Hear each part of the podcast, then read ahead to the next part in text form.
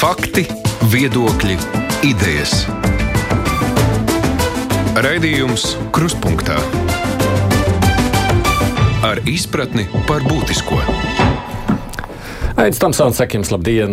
Arī vasaras sezonā ceturtdienas kruspunktā ir un paliks amatpersonu iztaujāšanas dienas. Nu, vienīgais tas atvēlētais laiks būs mums īsāks, aptuveni 40 minūtes, jo stundas beigās tad nu, arī būs brīvais mikrofons. Tad varēsiet zvanīt un izteikties, kas no nu jums ir uz sirds. Šajā brīdī studijā jaunais iekšlietu ministrs Kristaps Eklons. Labdien! Labdien. Tas apzīmējums jaunais ministrs vēl ir vietā vai jau jūtaties iestrādājies? O, nē, te noteikti var vēl turpināt apgūt ārodu. Vēl kādu brīdi varētu būt jaunais. Jā. Bet, nu, kā parasti iztaujātāji jau būs citi, šeit ir divi mani kolēģi, žurnālisti no ziņā aģentūras Leta. Šeit mums ir arī Kristaps, bet Ugainis. Sveiki! un Kārlis Arājs no portāla Delfi. Sveiki! Nu, klausītāji, kā parasti arī savus jautājumus jūs varat sūtīt mums nu, vislabāk caur mājaslapu, jo droši vien, ka telefonu tad slēgsim drīzāk klāt pēc tam. Um, brīvā mikrofona laikā rakstiet mums caur mājaslapu ziņu sūtot raidījumam kruspunktā. Nu, tā tīri vienkārši ievadam, kamēr iesildāmies jūs prāt, kas ir tie lielākie izaicinājumi vai uzdevumi, ko tad gribat vēl paspēt paveikt līdz vēlēšanām? Nu, laikam lielākais izaicinājums, ko es redzu bez tiem aktuālajiem, ar kuriem mēs, protams, visintensīvāk strādājam, Ukrāņu bēgļu jautājums. Es kā savu izaicinājumu galveno redzu stiprināt iekšējo drošību kopumā. Un, un, un tur būtu noteikti vesela virkne, virkne sadaļas, sākot ar vai turpinot ar iekšlietu sistēmas mm. darbinieku atalgojumiem. Bet īpaši varbūt akcentus pat gribētu redzēt, un runāt, un aizstāvēt un pārliecināt uh, nepieciešamību plānveidīgi finansēt iekšlietu jomas iekšējās drošības attīstību, sakārtošanu, pilnveidošanu. Jo mēs patiešām daudzos iekšliet, iekšējās drošības jomās nu, esam nonākuši līdz gana kritiskām robežām, kur tālāk jau varētu būtiski tikt ietekmēts pakalpojums iedzīvotājiem, ja tā varētu teikt. Jā, jā. Nu, kā mēs esam nonākuši? Nu, mums ministri ir gana daudz bijuši, iekšlietu jomā mainījušies. Nu, kur, kur ir tas cēlonis? Kas ir ielaidis to problēmu? Ja jau sakam, kritiski tūlīt būs viss slikti. Kāpēc? Nu, iemesls jau viens ir vēsturiskais. Visu laiku mums uh, kaut kam nepietiek naudas. Un kāpēc jūs domājat, ka jūs būsiet tas, kam beidzot izdosies to naudu izsist? Nu, te varbūt ir jāsaprot, ja tie, tie cēloņi patiešām kādi varēja būt. Mēs bijām nu, vairs negribētu teikt, ja jūs sakat, vai es esmu jūtos vēl jauns ministrs, tad, tad noteikti šobrīd vēl jā. Bet vai mums vairs ir jauna valsts? Laikam jau vairāk nē, jau 30 gadi, vairāk nekā pirmajā reizē. Un, Un, un jau, jau ir gan tāds vērā ņemams stāsts. Un, un pašā sākumā, protams, mums bija tās prioritātes varbūt atšķirīgas. Mums patiešām bija nepieciešams veidot tos pašus bruņotos spēkus savus. Un, un, Uh, tie izaicinājumi bija tādi, varbūt uh, savādāki nekā jau šod, no šodienas skatu punkta skatoties. Un, un, un tad uh, tieši notikumi Ukrajinā, karš Ukrajinā, komunikācija ar saviem bijušajiem kolēģiem uh, Ukraiņas pusē. Regulārā mums ļoti skaidri parādījusi, ka ir um, iekšējā drošība nu, nu, ne par kapeiku mazāk svarīga kā ārējā drošība. Un to ļoti Ukrainā skaidri redzam. Viņi tieši iekšlietu ministrija ir Ukrainā vienīgā ministrija, kura kara laikā, kurai kara laikā tika palielināta uh, štats, tika piesaistīti vairāk cilvēki un resursi. Uh, tas nozīmē, cik būtiski loma spēlē uh, iekšējā drošība tieši arī šāda apdraudējuma vai notikuma rakursā. Tas vieš šo pārliecība, ka ir uh, jāmaina kaut kas mūsu izpratnē, tad, kas bija vēsturiski izveidojusies. Tāpēc mēs šobrīd esam tur, kur esam. Uh, bet uh, vismaz nākotnē es pilnīgi noteikti redzu nepieciešamību mainīt šos akcentus un izlīdzināt, um, izlīdzināt šo pieeju izlīdzināt šo finansējumu. Bet tas jau saka, ka tiem, kas ir bezpartijiskie ministri, to ļoti grūti izdarīt. Nu, to, kā jūs sakat, paskatīsimies rudenī. Paskatīsim par šo tēmu. Bet nu, cik, cik vienlaicīgi atkal bezparteiskam varbūt šī nav tas uh, akcents uz to, bet tieši tas ir tas mans profesionālais izaicinājums. Nu, nepastarpināt sniegt šo informāciju cilvēkiem, kas uh, to var nu, pilnīgi noteikti ikdienā nav darbojušies un bijuši tajā vidē un uh, nezinu, kā tur ir. Un cik liela cipara vajadzētu par šo tā teikt noslēdzot? Uh, Tieši cipari būtu tas, ne tas jautājums, cik gribētu ne konkrētu ciparu. Es uh, vēlos samainīt pieeju. Un, ja tie cipari kādam trūkst, tad nevis kādam trūkst, bet viņi trūkst visiem kopumā.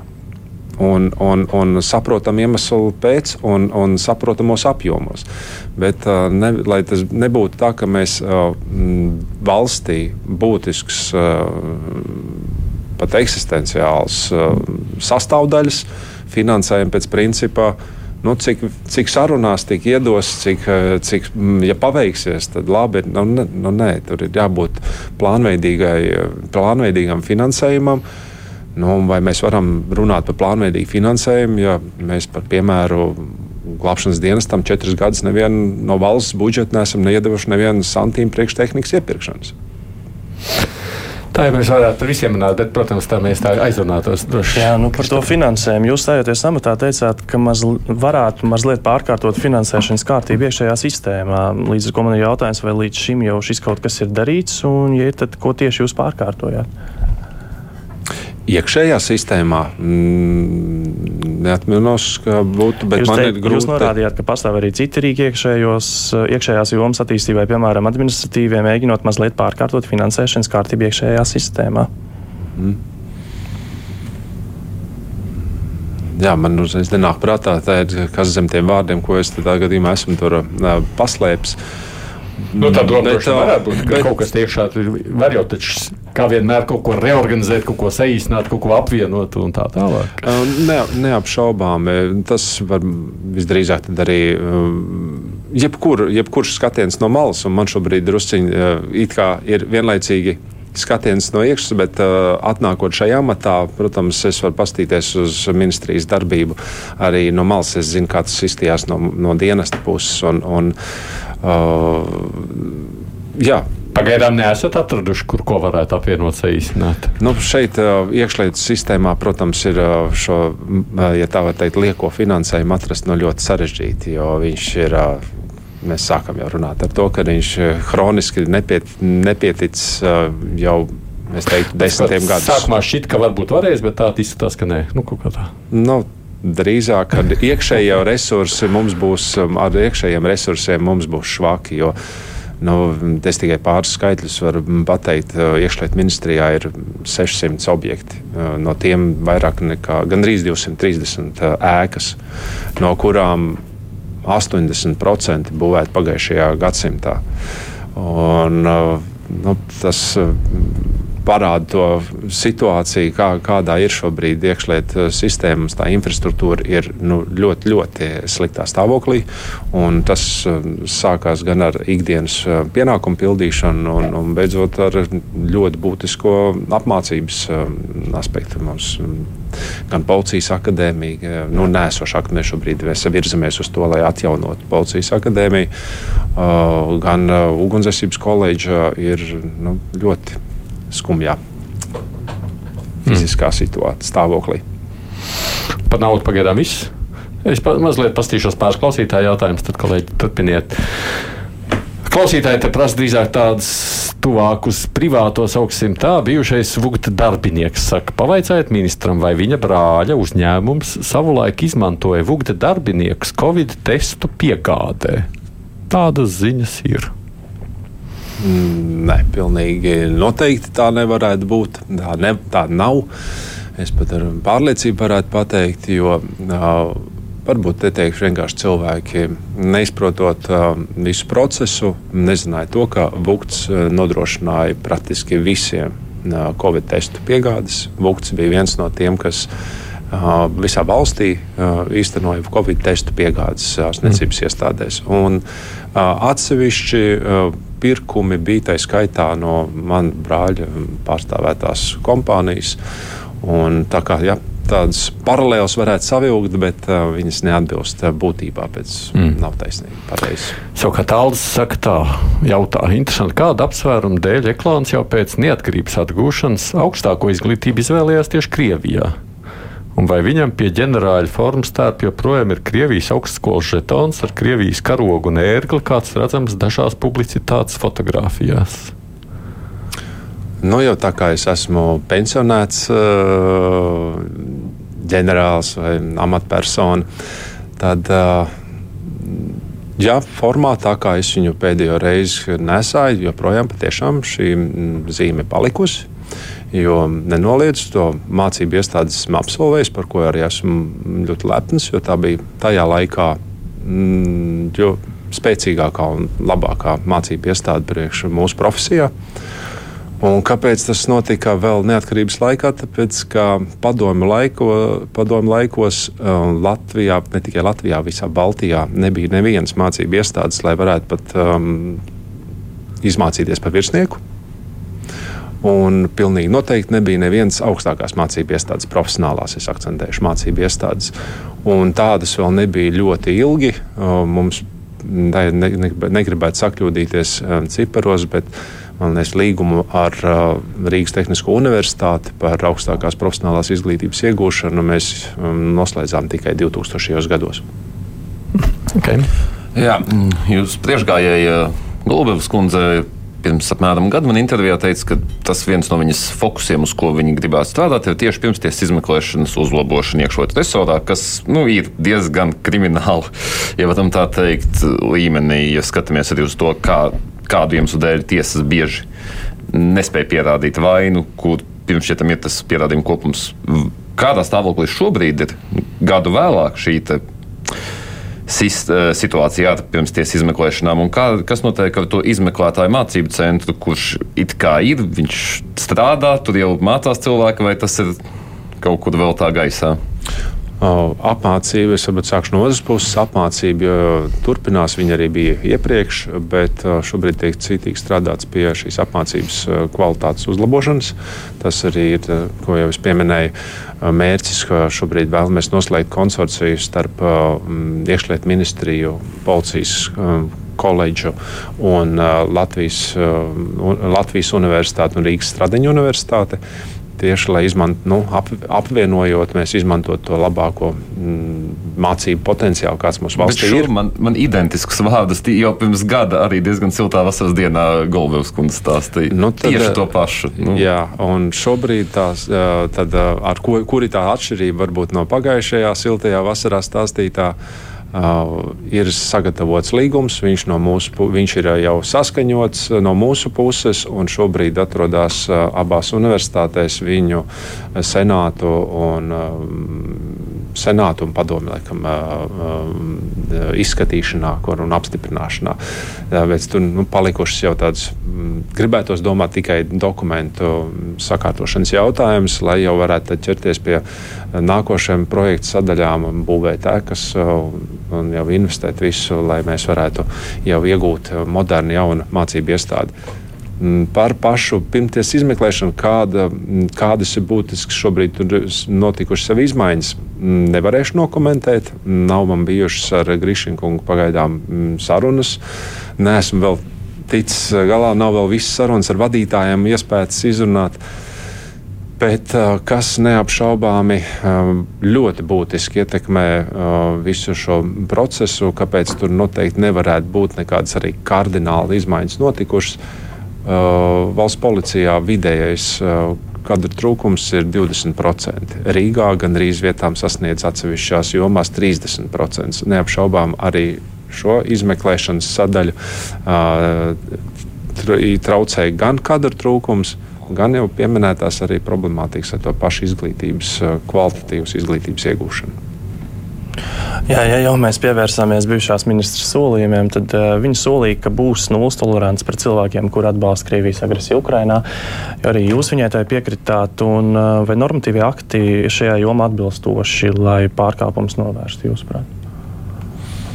Uh, jā, jau tāpēc, ka šāds paziņojums vairāk ir saistīts ar uh, um, darbības principiem. Mums patiešām ir normatīvi akti sakārtoti um, tā, lai viņus jautājums ir par viņu pielietošanu. Un, un, un, un pielietošana savukārt ir tieši saistīta ar pašu nodarījumu. Un ar izmeklēšanas gaitu, kas, kas ir pierādīts, kāds pārkāpums ir bijis, lai varētu jau īstenot šo pieeju. Kur mēs viņu šobrīd jau īstenojam pilnā apmērā, komunikācijā un policista apmācībā komunikācijā sabiedrība un policista apmācībā precizējot. Tieši varbūt tā apmācība vairāk šeit ir skaidrojot nostāju, skaidrojot pozīciju, analizējot dažādus notikumus un tādējādi uzkrājot to pieredzi vai, vai vairojot to gatavību X brīdī pieņemt pareizo lēmumu. Jo neapšaubām tā ir jebkura policista darbība ar kādu likuma pārkāpēju, tā ir divu cilvēku miedarbība, un katrs gadījums ir uh, unikāls. Un, un, un reizēm tās līnijas uh, novilkt tā skaidri un saprast, kur ir viens pārkāpums, viena veida pārkāpums, kur otra veida, ir diezgan sarežģīti. Nav bijis tāda situācija, ka varbūt no kāda paša policista vajadzētu nu, ziņā, atvadīties, jo lūk, viņš izrādās pats ir Krievijas agresijas atbalstītājs. Ne tikai valsts policijas dienestā, bet arī uh, valsts ugunsdzēsības dienestā. Es laikam konkrēts gadījums nezinu, vienīgi laikam, pagaidām par robežsardzi. Uh, ir uh, konstatētas personas, uh, kuru lojalitāte ir radījusi jautājumus, un uh, ar to strādā gan paši dienesti, gan uh, drošības iestādes, lai saprastu, vai tas ir vienkārši cilvēka kaut kādi maldi, vai nezināšana, vai vienkārši ir neapdomīga rīcība, vai izteikumi, vai tā ir patiešām pārliecība. Nu, un, ja tā ir pārliecība, tad šādam cilvēkam noteikti iekšlietu sistēmā nebūs īsti. Šobrīd tāda izmeklēšana šobrīd tā, kā, tā nosaukt notiek, ja iekšēji. Pat vairākas. Par kādu rangu mēs runājam? Par zemākiem, par vidēju, augstāku, kaut kas no augstāka ranga. Pamatā, pamatā tā, nē, nē, augstāku. Nu, tomēr jau, lai kļūtu par virsnieku, tev ir jāiziet jau zinām. Uh, zināms, jau filtrs, uh, izglītības filtrs, uh, profesionālā kompetenci filtrs, nu, vienkārši lai tu izaugtu līdz šim līmenim. Bet nē, pamatā ir runa par zemāku līmeni, bet ir, ir, ir, ir arī izņēmumi. Mm. Okay. Par to pašu vai vēl kaut ko citu? Par iekšējo drošību. Droši es gribēju jautāt, uh, iešliet resursus saskata riskus iespējamai noziedzības pieaugumam, ņemot vērā uh, rudens tuvošanos ar augstajām enerģijas izmaksām un arī kopējo cenu celšanos. Es ne, noteikti negribētu cel, vilkt korelācijas ar um, cenu pieaugumu un noziedzības līmeni. Kaut arī, ja tā padomā, tad patiešām varētu arī būt, ka cilvēki, nezinu, tie paši jau kas ir pārkāpuši noziedzības robežas kaut kādas, viņi neapšaubāmi uh, var būt spiesti savus pārkāpumus īstenot biežāk. Tāpēc varbūt tīri tādā veidā tā uh, korelācija varētu pastāvēt. Ja es nesāku zakt elektrību, jūs domājat, ka es nesākšu? Bet, ja neizsāc zakt elektrību un, un, un, un zinot šobrīd, cik jau ir gudri salikt visi skaitītāji un, un sistēmas un skaitītāji visā ārpus dzīvojamām telpām lielākoties, tad tas jau ir palicis tieši tik sarežģīti un viegli kontrolējami, ka nu, pati sistēma radījusi apstākļus, lai, lai tas būtu nu, ļoti grūti izdarāms. Bet, uh, Es tomēr negribētu pieļaut domu, ka mums varētu būt tik dramatiska situācija, ka um, standarti, ja tā teikt, iedzīvotājs tādi mainītu uh, savus likumus tik ļoti, ka uh, šis varētu būt par iemeslu pārkāpt likumu. Aivars ir aktualizējis jautājumu, kas nu, arī acīm redzot ir sāpīgs bijis šajā gadā, kad beidzot PMLP darbība tiks sakārtot, lai tā nav, ka reiz desmit gados mums nav varonīgi jāizsniedz miljonus personas dokumentu, ja lūk nevar izsniegt personu dokumentu. Varbūt uz termiņu 12, 14 gadi vai kādu pa puscenu uz 5, 7 gadiem, lai nav tā, ka tad mums pienāk brīdis un stāv visi milzīgās rindās. Nu, šeit ir gan uh, mm, ārējie normatīvie akti, gan Eiropas uh, regulas, uh, kuras nosaka zināmu kārtību. Tāpēc man diezgan būs par nožēlu būs jā, jāsarūktina, ka mēs būtiski neko mainīt nevarēsim. Kā nu tas pašā sākumā ir iedibinājies un tas vienlaicīgi šīs apliecības uh, ir izdotas, tā tas par nožēlu arī pamatvilcienos turpināsies. Bet es gribētu paskaidrot, ka tā situācija noteikti nebūtu tik asa, kāda viņa izvērtās šogad. Uh, cerībā, ka pēc desmit gadiem mums nebūs Covid. Covid ļoti ietekmēja uh, PMLP darbības uh, funkcionalitāti un kapacitāti.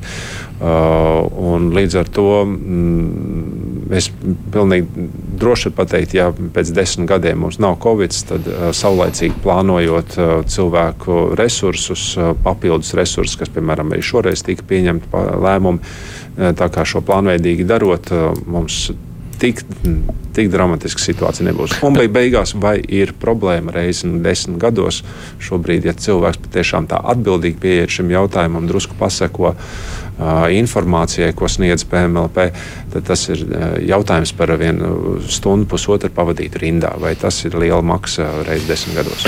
Tā pašā laikā bija jau tāds brīdis, tā, ka man, es pats mazliet centos laicīgi mainīt, bet, nu jā, es apstājos Rīgā to izdarīt. Es braucu tur tālu prom ārpus Rīgas uz reģionu, lai to izdarītu. Bet realitāte jau ir tā, tā bija arī satiksmes ministrs. Viņš teica, viņi ir ierosinājuši, piemēram, CSDD nākt palīgā. Bet jūs ir jau nākuši. Toreiz Golubē esot iecirtusies un teikusi nē.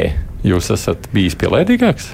Ne tikai pielaidīgāks, bet šobrīd jau ir nodibināta un sakārtota sadarbība starp PMLP un CSDD. Mm -hmm. Un jau arī CSDD iedzīvotājiem šobrīd, CSDD iestādēs, īpaši reģionos, kur tas ir aktuāli, ir iespējams virkni ar pakalpojumu, PMLP pakalpojumiem saņemt, no, saņemt dokumentus. Mm -hmm gan jābrīdina, ka tur, protams, tas ir nu, kaut kā neliels, bet tomēr samaksas jautājums. Labi, kolēģi. Jā, par, paturpinot par partijām. E, pirms mēneša teicāt, jautājiet man, kad sāks sist. Tad, nu, vai kāds jau ir sācis gan sist no apkārtējiem kolēģiem, vai kā, lai būtu jau jās, varbūt esat sācis domāt par to, ko rudenī darīsiet, kurā sarakstā kandidēsiet? Nu, es, es nezinu, vai, vai, vai, vai nu mani vēl joprojām nav sākuši tik ļoti sist, vai vienkārši man ļoti ātri progresē, biezāk kāda paliek. Uh, visādā gadījumā pagaidām ļoti komfortabli, komfortabli varu turpināt uh, pildīt savus pienākumus. Uh, jā, un šobrīd uh, joprojām esmu palicis tajā statusā, kā bija. Nesmu pieslēdzies kādam konkrētam politiskam spēkam, bet uh, esmu gatavs un, un, un turpināšu sadarbību ar apvienību. Un, Piedāvājumi ir izskanējuši no dažādām partijām. Sarunas ir bijušas. Nu, cilvēki jau priekš tā ir, lai sarunātos. Kas jūs mulsina? Kāpēc? Mm, nē, Kāp, kurā brīdī es teikšu, labi, jā, vārdu dodu.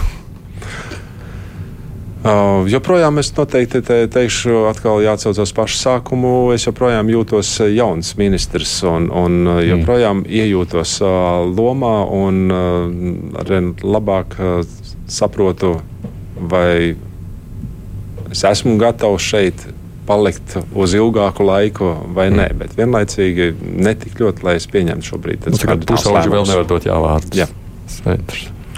Jā, nu, pāris dienas atpakaļ te jau visa Latvija sekoja līdz mazās evitas, evitas pazušanai Siguldā, ņemot vērā, ka jūs uh, esiet nācis no glābšanas dienesta. Vai jūs, prāt, Latvijā preventīvi tiek veikti atbilstoši pasākumi šādu gadījumu novēršanai? Varbūt jums ir kādas idejas, kādi nebūtu pasākumi būtu vēl jāveic noslīkušo skaitu samazināšanai. Nu, piemēram, eksperti iesaka oficiālajās peldvietās izvietot stēnus ar glābšanas riņķiem.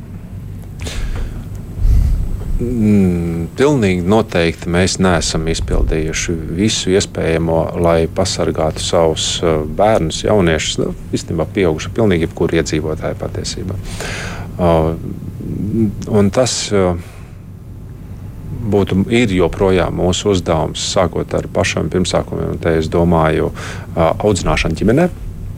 Vēl pirms bērns vispār sāk iet uz mācību iestādi, uh, tieši veca, vecāku loma ko viņi un kā iemāca, uzve, kā uzvesties pie ūdeņiem.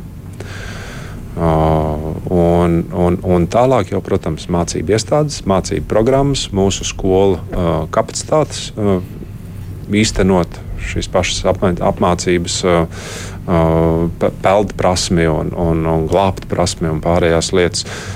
Jo vienkārši mums ļoti, joprojām ļoti daudzām skolām vienkārši fiziski nav pieejama šāda iespēja trenēties, mācīties, peldēt bērniem, no, no organizēt peldēšanas nodarbības.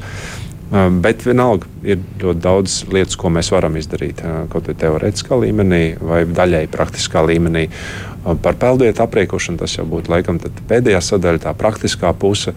Arī šai jautājumā ir pašvaldības spērušas lielu soli. Mums ir praktiski katrā pašvaldībā ir apzināts šāds vispopulārākās publiskās peldvietas. Es zinu, ka ļoti daudz pašvaldības iegūda liels resursus, lai viņas sakārtotu, aprīkotu, liktu brīdināšanas stendus. Kā ir ar šiem glābšanas stendiem, vai pat atsevišķās pašvaldībās vispopulārākajās peldvietās pat ir glābšanas dienesti. Bet ar stendiem, protams, ir mm, atkal mums ir drusku sabiedrībai jāizaug līdz tam godprātam. Nu, ja tev stāv tur brīvi pieejams glābšanas riņķis, tad jautājums, cik viņš ilgi tur stāvēs.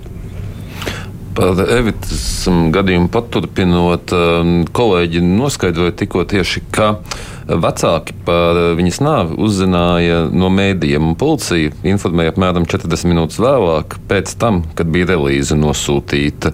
Un vai šī gadījumā mums nav jārunā kaut kādā arī par policijas komunikāciju, un es pieņemu, ka šis, nu, šis ir skaļš gadījums, bet vai kaut kādām vadlīnijām nebūtu jātiek izstrādātam, kā tiek apstiprināts, piemēram, mēdījiem, kad pirms vecāki tiek informēti par to? Jā, jā, tas noteikti nav labākais piemērs, ja tas atbilst patiesībai. Tas no, komunikācijas, no komunikācijas viedokļa, jā, es par to nezināju, par šo faktu. Uh, tas noteikti ir analīzes un pārunu vērts, lai, lai turpmāk nākotnē šādas nu, situācijas nepatīkamas novērstu. Jo patiešām nu, tas nav laba prakse, kad vecāki uzzina no, no, no ārējiem avotiem šādu būtisku informāciju par viņu bērnu. Bet vispār tā kā jūs vērtējat, kā glābēji tikt vispār nu, to glābšanas visu to nu, gan, darbu? Es tomēr gribu arī akcentēt, ne pagaidām viss neizskatās arī tik viennozīmīgi, un tieši tāpēc ir uh, krimināla lieta, tomēr ir gājis bojā bērns. Un, un, uh, Tā skaitā tiks izvērtēta arī paša vecāka atbildība šajā krimināla procesa ietvarā. Un es ļoti gribētu, ka tur nenāktos, nenākt ārā kādi ļoti nepatīkami secinājumi, kas būs daudz, daudz nopietnāki nekā šobrīd vecāku varbūt diskomforts nepatīkamā situācijā saistībā ar šīs informācijas saņemšanu. Bet nu, tā meklēšanas procedūra jums šķiet bija augstā līmenī? O, meklēšanas procedūra bija patiešām o, augstā līmenī, cik operatīvi tika iesaistīti tā, tik plaši o, resursi gan no policijas puses, gan no o, glābšanas dienesta puses. Nu, Praktiski tur iesaistījās viss, kas varēja. Pašvaldības policija, brīvprātīgie, jāatzīmē īpaši noteikti arī vienkārši sabiedrības pārstāvi. Un, uh, meklēja LV, ja, ja nemaldos, arī viņi tur piedalījās. Kā, ļoti plaš, plašā lokā institūcijas un, un iedzīvotāji īstenoja meklēšanas pasākumus, jo nebija jau tikai versija par to, ka, ka bērns ir noslīdis. Bija ļoti dažādas versijas un tika pārbaudītas visas, tāpēc tur bija jāstrādā daudzos virzienos. Un, jā, darbs notika intensīvi un varbūt tieši tāpēc arī tikko bērna mirstīgās atliekas uzpeldēja jau ūdens virsū. Viņi vairs jau pa, pa grunti, jo, kā mēs zinām, tā attālums bija starp vietu, kur viņi tika atrasta un noslīga desmit km gandrīz. Tā kā nu, tur bija jā, mēs arī saprotam, ka tos, kāds tad meklēja un skatījās, kur, jo es gaidīju jau. Nu, ja tā var teikt, tas tajā traģiskajā notikumā bija labākais scenārijs. Mm. Tā. Jautājumi kādus? Jā, nu es vēlējos pievērsties bēgļiem. Jūs no sākuma teicāt, mm -hmm. ka tā ir viena no prioritātēm. Um, kas notiks pēc 1. jūlija, piemēram, Rīgā? Kas tiek darīts, lai nepieļautu, lai šie bēgļi paliek, piemēram, uz ielas? No šobrīd Protams, nepaiet neviena diena, kad uh, ne, nenotika kaut kādas sanāksmes vai konsultācijas ar speciālistiem vai ar pašvaldībām uh, un meklēt risinājumi, kā, kā iziet no šīs situācijas, jo, nu, kad pienāca jau skaidri signāli, ka uh, Rīgā šāda problēma var rasties, patiesībā viņi var rasties ne tikai Rīgā. Bet no Rīgas runā šobrīd viskaļāk, jo, jo tā problēma ir vislielākā un nopietnākā Rīgā. Uh, meklējam risinājumus visi kopā, gan uh, mēs kā iekšlietu ministrija, gan valdība meklē risinājumus visu kopumā, gan pati pašvaldība ļoti aktīvi strādā. Tas ir jā, īpaši jāatzīmē. Un, Praktiski es domāju, mēs visi kopumā būsim panākuši to risinājumu tādu, ka uh, cilvēku uz ielas nenonāks. Bet būs jāturpina meklēt rīkus, kā pēc tam palīdzēt pašvaldībai vai arī mainīt uh, norma, normas, kompensācijas apmērus, lai uh, novērstu turpmāko uh, no šo jautājumu. Kāds, kāds ir tas risinājums? Jūs runājat, ir atrasts, nu, bet kāds? Mm, risinājumi šobrīd ir vairāk. Pie viņiem arī strādājam. Mums vakar bija attīstības padomus sēde politiskā līmenī. Aizvakar bija uh, sanāksme operatīvā vadības centrā, kur profesionāļu līmenī tika meklēti šie risinājumi. Viņi ir vairāki. Mūsu nākošā sēde ir attīstības padomus pirmdien. Uh, es ceru, ka mums pirmdien izdosies uh, vienoties par šo vienīgo pareizo pieejamo rīku, kā atrast šo kompensācijas apmēru, apmērus, kas atbilstu pašvaldību vajadzībām. Nu, salāgot šo situāciju. Bet es vienkārši sāktu jums nosaukt skaitļi, kuri pa šīm dienām varētu mainīties. Laikam nebūtu īsti pareizi. Bet vai es runāju savukārt par pajumtes jautājumu un to, nu, lai tie cilvēki nepaliek uz ielas kādā brīdī, tur arī jautājums ir bijis par to, vai varētu veidot speciālus nometnes, apmetnes plašākas kaut kādas. Tu ne telšu pilsētiņas, bet no nu, apmēram oh, līdz pat jā, telšu pilsētiņām ir izskatām, izskatām arī iespējas un versijas. Un, o, ir mums, ja tā var teikt, tāda pavisam nevēlamie rezerves plāni, no tā ziņā nevēlamie, ka viņi nav m, mm, tik labvēlīgi. Um, Ukrāņu bēgļiem, kā mēs vēlētos viņiem palīdzēt, kādu vēlētos mēs viņiem palīdzību sniegt. Uh, un neaizmirsīsim, ka šis ir process, kas šobrīd ir visu laiku kustībā. Jo katru dienu mums ienāk jauna bēgļi, katru dienu mūsu Latviju uh, simtiem bēgļu pamet. Uh, Tev brīžiem pat ir ļoti grūti izsekot praktiskai uh, situācijai, uh, cik šobrīd ir brīvās vietas. Un, un šorīt pat uh, es biju valsts ugunsdzēsības glābšanas dienestā, tieši šī koordinācijas centrā, kur tiek organizēta visa izmitināšana. Un runāju ar saviem bijušiem kolēģiem, tieši izvērtējām to situāciju, kur kurās pašvaldībās, kā notiek darba organizēšana. Izrunājot visu, vēl skaidrāk ieskicējās tās uh, nianses, varbūt, kuras mums ir jāpilnveido uh, šai, šai procesā.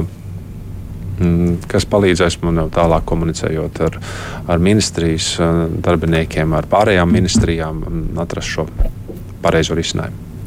Mm. Mm. Jā, jautā. Um, Tad es uh, jums, kā bijušam ugunsdzēsējam, tomēr gribu pajautāt, jo pirms par vienu konkrētu policijas lietu, kas ir pirms gada, vairāk nekā gada bija traģiskais mērķis ugunsgrēks. Uh, izmeklēšana, nu, vēl joprojām nu, nav nekas uz ādu. Tā kā nāca, tur ir progress kaut kāds, kur ir aizķeršanās, kāpēc šis te, nu, nav nekāda ziņa vairāk nekā gadu. Uh, Mērķa liela, jā.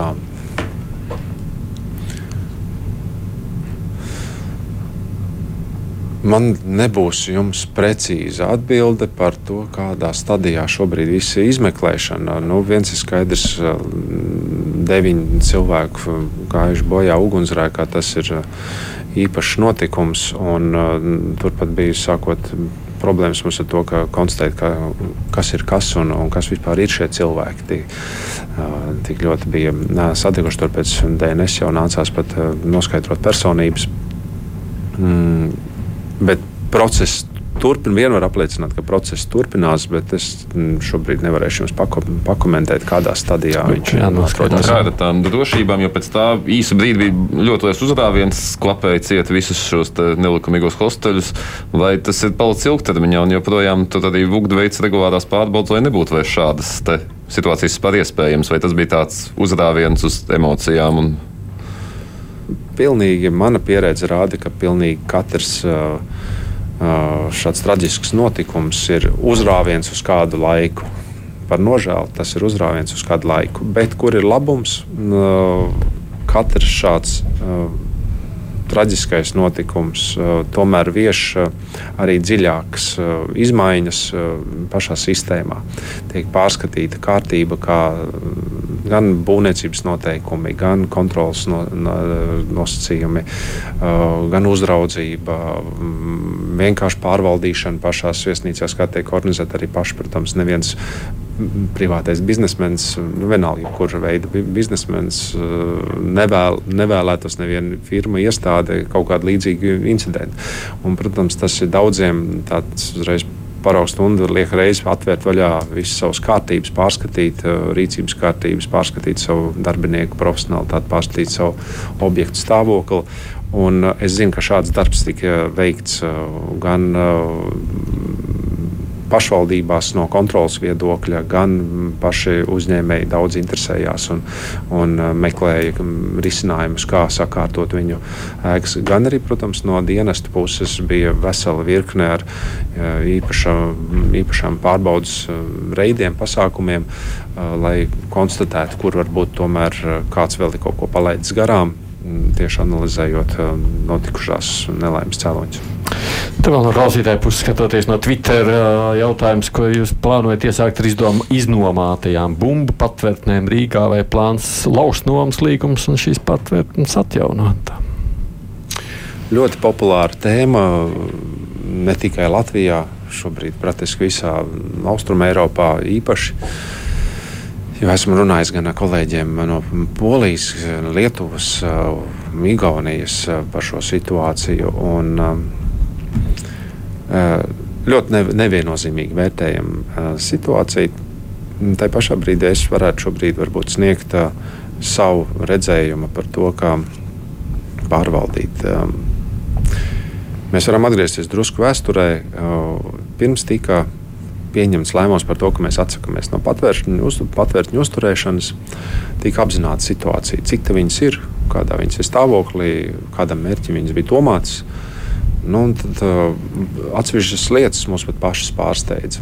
Jo mēs vēl no padomu laikiem atceramies visādas bukletes par to, ka, nu, ja, nu, ja nu kas, tad uh, skrien uz patvērtni, tad tur gāzmaskas un viss kaut kas. Un, un tad izrādījās, ka uh, visas gāzmaskas mums Rīgā atrod, atradās arī padomu laikos, praktiski tikai vienā noliktavā. Uh, mēs ļoti labi saprotam reālo loģistiku, kāda būtu vajadzīga, tad, ja patiešām kaut kas strauji notiktos un attīstītos. Un patvērtnes kopējais apjoms viņu summējot bija pielīdzināms 0, kaut, kādai, kaut kas aiz 0,0% no iedzīvotāju skaita valsts. Tāpēc, ka viņu uzdevums, patvērtņu uzdevums padomju laikos bija pasargāt ne jau civiliedzīvotājus, bet pasargāt militāro rūpniecību, pasargāt partijas nomenklatūru, pasargāt īpašos objektus un kaut kādu īpašu personālu, lai nodrošinātu kaut kādas konkrētas valsts funkcionēšanas vajadzības. Tā ir tāda atskatīšanās atpakaļ. Uz to balstoties uh, un saprotot, arī toreiz tika vērtēts, kāds finansējums vajadzīgs, cik miljoni ir vajadzīgi, lai visu to sistēmu uzturētu ar tik minimālām kapacitātēm. Uh, mēs neredzējām to liederību, tīpaši tajā laika sprīdī. Protams, ja tas lēmums būtu jāpieņem šodien, nu, iespējams, ka viņš varbūt pat būtu savādāks. Uh, bet mēs esam šodien tur, kur esam. Un, un mana pārliecība ir par to, ka mums šobrīd ir pilnīgi noteikti daudz akūtākas lietas, ko risināt, kas iedzīvotājiem, pašiem iedzīvotājiem ir daudz vairāk vajadzīgas nekā patvērtņu iespēja tajās mm. ierobežotajās kapacitātēs, kādas mēs būtu spējīgi tādu attīstīt, pat ieguldot desmitiem un desmitiem miljonu. Un šo tā kā turpinot, es sacītu tā, rīt mēs šo diskusiju mazliet turpināsim festivālā Lampa, jo tur mēs arī runāsim, ko tas nozīmē un kā tad ir tā aizsardzība, ko iedzīvotāji var un ko viņi zina vai dara, ja patiešām iesāks krīze. Tā kā es aicinu doties uz Lampu, tur starp citu arī Latvijas radio kruspunktā arī raidīs raidījums no turienes. Nā, bet ne tikai iedzīvotāji to ziņu saņems. vai ne? Es saku paldies, mums jābeidz vienkārši, jo brīvais mikrofons arī vēl ir tagad tūlīt pat priekšā iekšliet ministrs Kristaps Eklāns bija šeit studijā, Kārlis Harājs no portāla Delfi, Kristaps Ūgainis no ziņa aģentūras Leta. Paldies jums arī, kolēģi!